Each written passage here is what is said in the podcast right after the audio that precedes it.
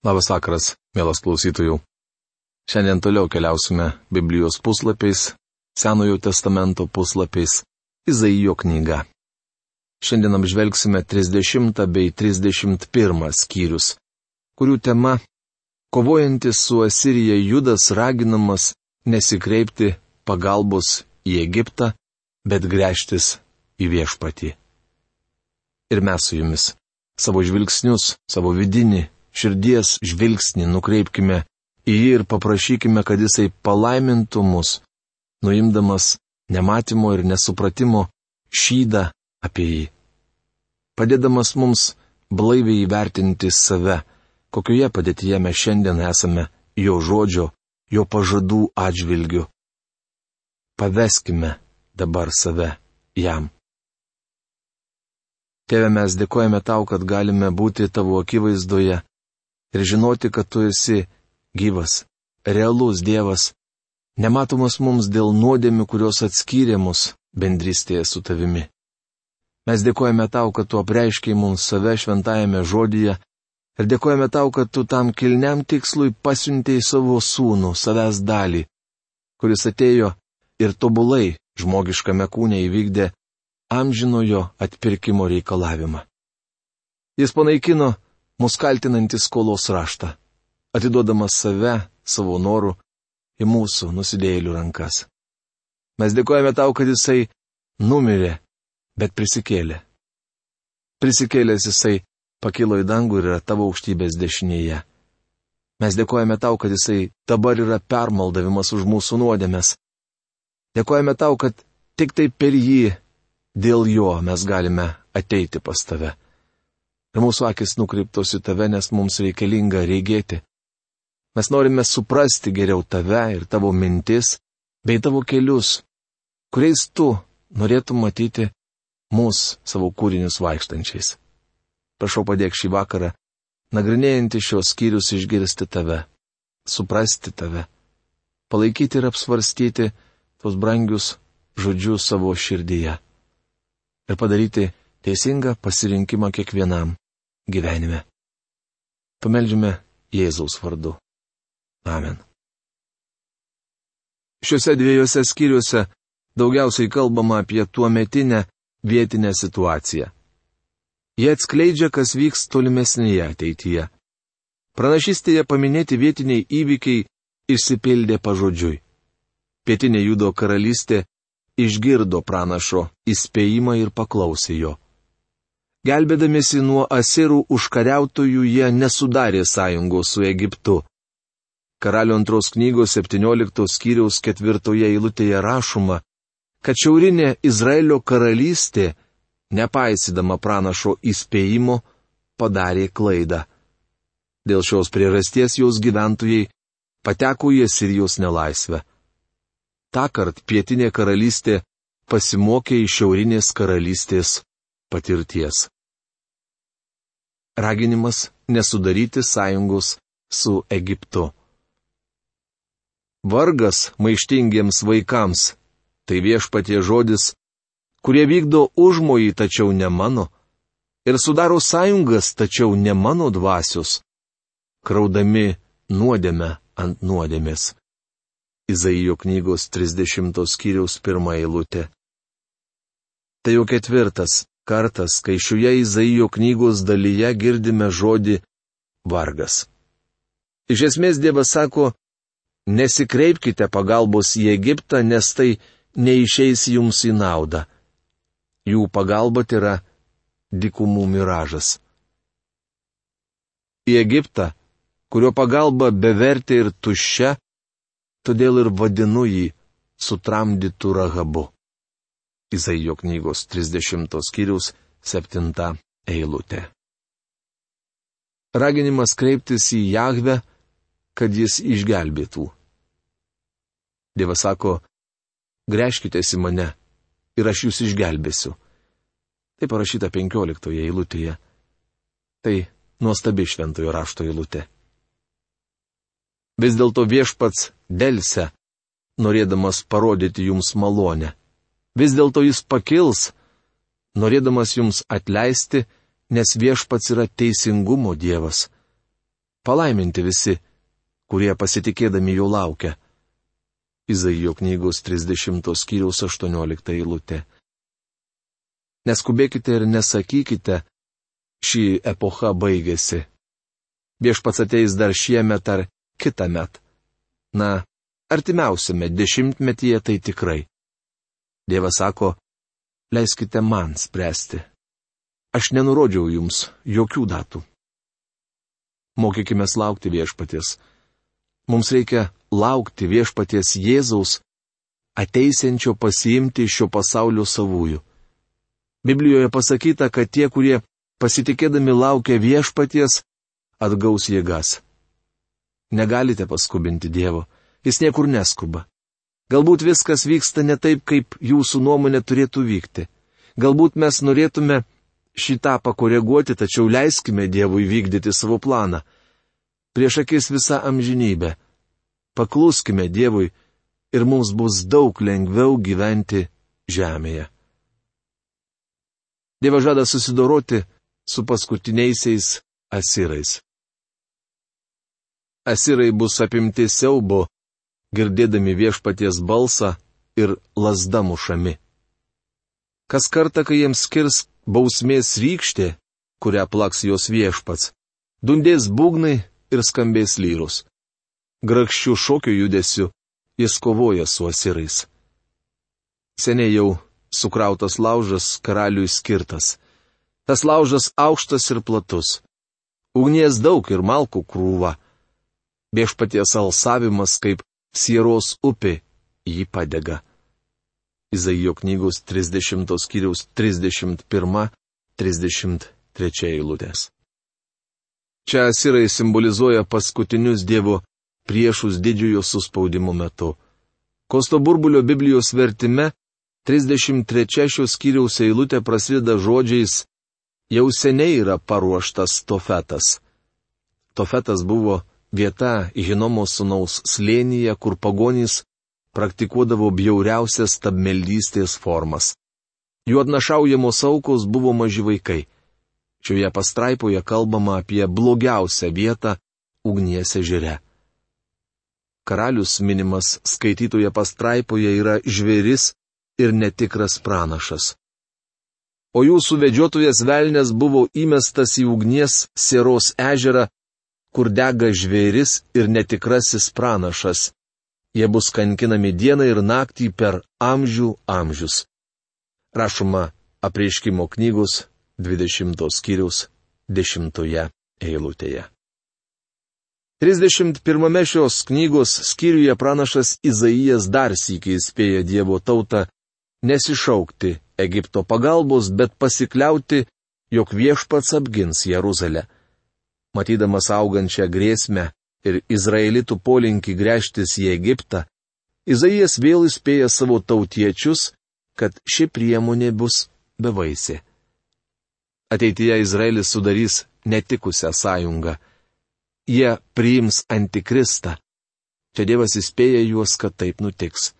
Jis baus tuos, kurie nenori grėžtis į jį, bet ieško pagalbos kitur. Vargas tiems, kurie leidžiasi į Egiptą, pagalbos ieškoti ir kliaujasi žirgais, kurie pasitikė vežimais, nes jų daug ir raiteliais, nes jų pulkai stiprus. Tačiau į Izraelio šventąjį nekelia akių, nesitarė su viešpačiu. Izaijo knygos 31 skyriaus pirmą eilutę. Jau penktą kartą šioje dalyje pakartojama žodis vargas. Šį kartą vargas skelbiamas tiems, kurie leidžiasi į Egiptą ieškoti pagalbos. Šia eilutė yra įspėjimas ir mums. Vargas mums, jei mes nusigrėžėme nuo dievų ir kreipiamės pagalbos į žmonės, ar ieškome jos materialiuose dalykuose. Nesupraskite manęs klaidingai. Jis nenori, kad nuskristumėte į atvirą erdvę ir liktumėte ten kabėti. Dievas tikisi, kad elgsitės protingai. Tačiau jis nori būti pirmasis, į kurį kreipiatės pagalbos. Bičiuli, kur ieškote pagalbos? Gal kreipiatės į bankininką? O gal į pamokslininką? Retkarčiais gaunu laiškų, kuriuose žmonės klausia, ką turėtų daryti vienoje ar kitoje situacijoje. Tiesą pasakius, nežinau, kaip spręsti daugelį problemų iškylančių mano paties gyvenime. Kitų patarimai naudingi. Tačiau pirmiausia, mums reikėtų prašyti Dievo pagalbos. Psalvininkas rašė. Vieni didžiuojasi savo karo vežimais, kiti savo žirgais, o mes didžiuojamės viešpaties mūsų Dievo vardu. Tai 20 psalmės 7 eilutė. Materializmo filosofija teigia, kad išmintinga pasitikėti akcijų biržą ir savo investicijomis. Kad išmintinga grėžtis į taip vadinamą Egiptą. Daugelis iš mūsų pasitikime vienokiu ar kitokiu Egiptu. Izraelio bėda buvo ta, kad jie nežiūrėjo į Dievą ir jo neieškojo. Kadangi jo nepasitikėjo, grėžėsi į ten, iš kur tikėjosi sulauksę pagalbos. Kaip sparnus išskėtę paukščiai gina jauniklius, taip galybių viešpats gins Jeruzalę, saugos ir vaduos, globos ir gelbės ją. Izaijo knygos 31 skyriaus 5 eilutė. Kai pamatysime viešpats apgins ir apsaugos Jeruzalę Ezekijo dienomis. Dievas užtikrina savo tautą, kad asirai neužims Jeruzalės miesto. Asiras, kuris bus nežmogaus. Nežmogaus kalavijas jį parblokš. Jis bėgs nuo kalavijo, o jo jauni kariai įslaža. Izaijo knygos 31 skyriaus 8 eilutė. Kris nuo kalavijo, kuris bus nežmogaus. Dievas sako, jog tai vyks ne todėl, kad jūs busite pakankamai stiprus ir pajėgsite nuvyti priešą, naip tol. Asirus nugalės Dievas. Jeruzalės gyventojai turėtų pasitikėti viešpačiu. Šis nuostabus skyrius yra mums pagalba ir sustiprinimas. Izaijo knygos 32 skyrius. Tema - Būsimasis karalius, būsimasis suspaudimas, būsimoji dvasia. Šis skyrius tai linksma gaida tarp penktą ir šeštą kartą skelbiamų vargų prošvaistė anūdienų tamsybėje skendėjusiai Dievo tautai. Prieš kurį laiką mes jau kalbėjome apie karaliaus asmenį.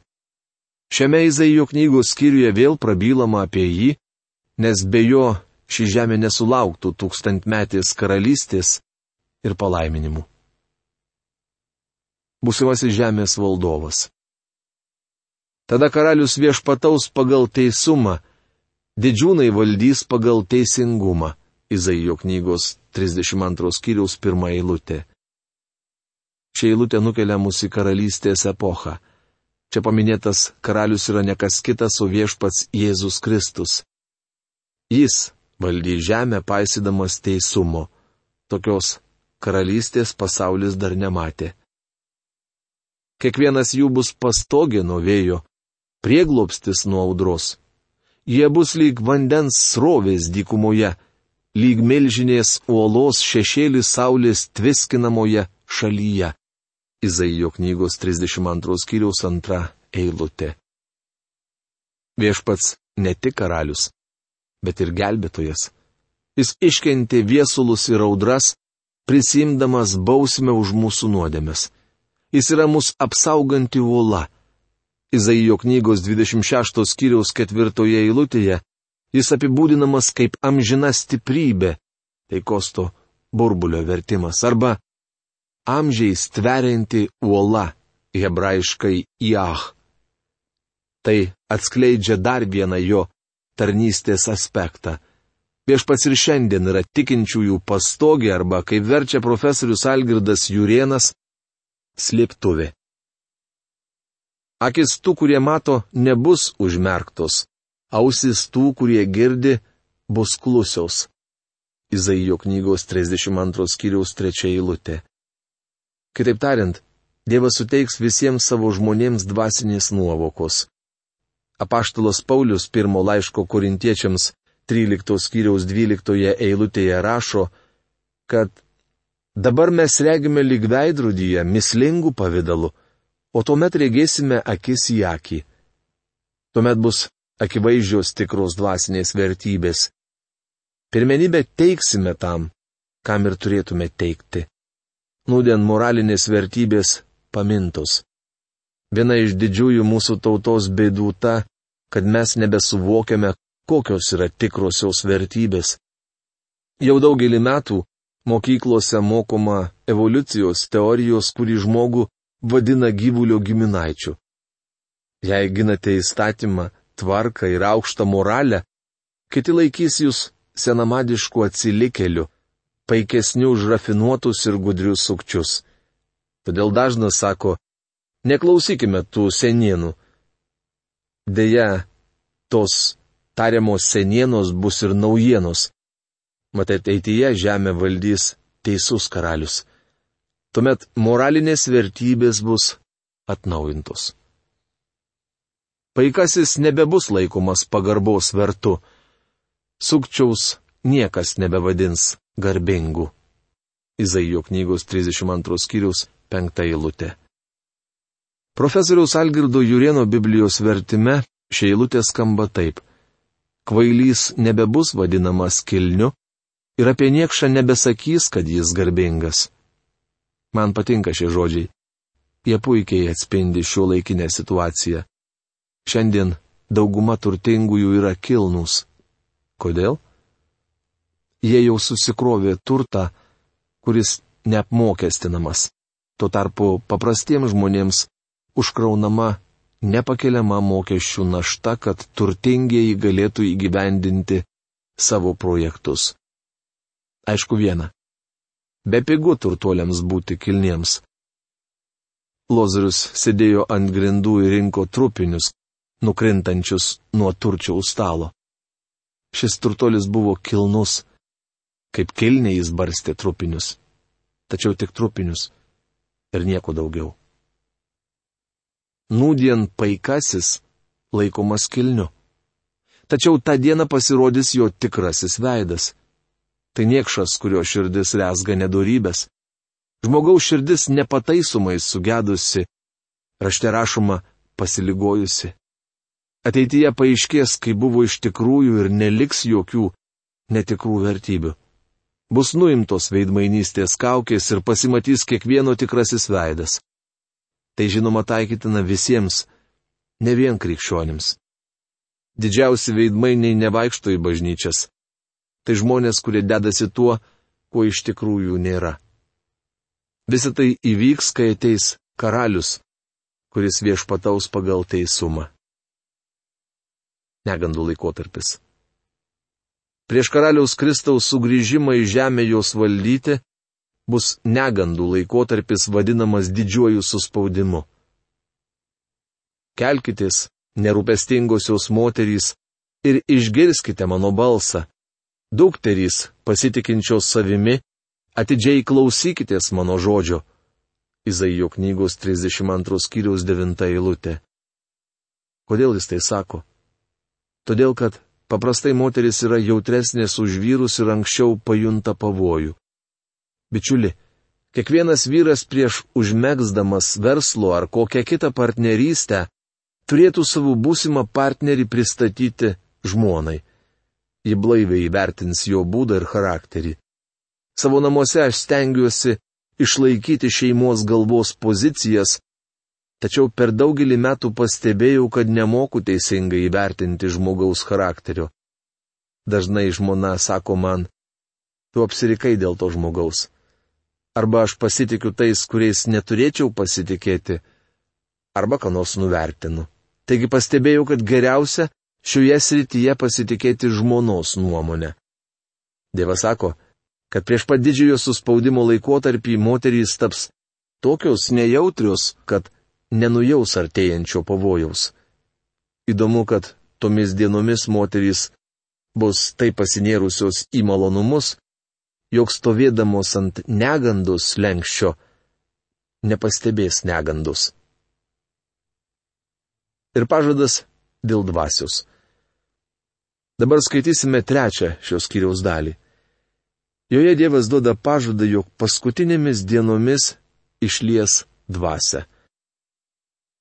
Bet kai tik iš aukštybių dvasia bus išlieta ant mūsų, dykuma virs sodais, o sodai suvešės kaip miškas. Izaijo knygos 32 skyriaus 15 eilutė. Skaitant šią eilutę labai svarbu atsižvelgti į pranašystės raidą. Pirmiausia, reikia atsakyti į klausimą, kada bus išlieta dvasia. Tūkstantmetės karalystės metu, kai žemę valdys Kristus. Tai bus didžiausių palaiminimų laikotarpis, kai žmonės masiškai grėšisi Kristų. Nesakau, kad tuo metu prieš jį priklaups kiekvienas kelias. Žinoma, galiausiai tai įvyks, tačiau tūkstantmetė karalystė bus ištyrimo laikotarpis. Apie tai užsimena pranašas Juelis. Paskui išliesiu savo dvasę ant visos žmonijos. Jūsų sūnus ir dukterys pranašaus, jūsų seneliai sapnuos sapnus, o jūsų jaunuoliai turės regėjimų. Net ant vergų, vyrų ir moterų, tomis dienomis išliesiu savo dvasę. Rašoma Joelio knygos trečios kiriaus pirmoje antroje eilutėse. Tai įsipildys busimoje karalystėje. Ši pranašystė neįsipildė nei per sėkmines, nei kada nors vėliau. Apaštalų darbų knygos antros kiriaus 15-21 eilutėse Petras cituoja ir paaiškina skaitytą Joelio knygos pastraipą. Jis nesakė, kad sėkminių dieną įsipildė ši pranašystė, tik parodė, kad įvyko kažkas panašaus. Petro laikai žmonės tyčiojosi iš šventosios dvasios pripildytų tikinčiųjų, sakydami, kad jie girti iš patryto. Šiandien tai nėra retas reiškinys, tačiau Petro laikai žmonės iš patryto negirto kliaudavo. Apaštalas sakė, kad sėkminių dienos įvykiai kalba apie tai, kas įvyks tūkstantmetėje karalystėje. Tai apie ką pasakojo Joelis ir Petras, įvyks tūkstantmetės karalystės laikais. Tuomet viešpats išlies savo dvasios ant visos žmonijos. Sėkminių dieną ji buvo išlieta tik ant kelių žmonių, tačiau šis įvykis kalba apie tai, kas nutiks ateityje. Joelis pranašavo apie išskirtinį reiškinį. Parodysiu ženklus danguose ir žemėje kraują, ugnį ir dūmų stulpus, saulė bus paversta tamsa, o menulis krauju prieš ateinant didingai ir baisiai viešpaties dienai. Rašoma Joelio knygos trečios kiriaus trečioje, ketvirtoje eilutėse. Bičiuli, šie įstabų ženklai dar nebuvo parodyti. Taip pat atkreipkite dėmesį, kad Joelis pranašavo, jūsų sūnus ir dukterys pranašaus, jūsų seneliai sapnuos sapnus. Joelio knygos trečios kiriaus pirmą eilutę. Nūdien mūsų jaunimas nedaro to, kas čia apie juos rašoma. O seneliai vaikšto po parkus arba gydosi sanatorijose. Viso to nebuvo sėkminių diena. Tai nevyksta ir šiandien. Šioje pranašystėje kalbama apie būsimą karalystę. Žiūrėkime, kad remdamiesi keliomis iš konteksto ištrauktomis eilutėmis nepradėtume kurti pranašyščių sistemos. Primkime Dievo žodį tokį, koks jis yra eilutė po eilutės, taisyklė po taisyklės. Tokia žinia šiandien. Iki greito sustikimo. Sudė.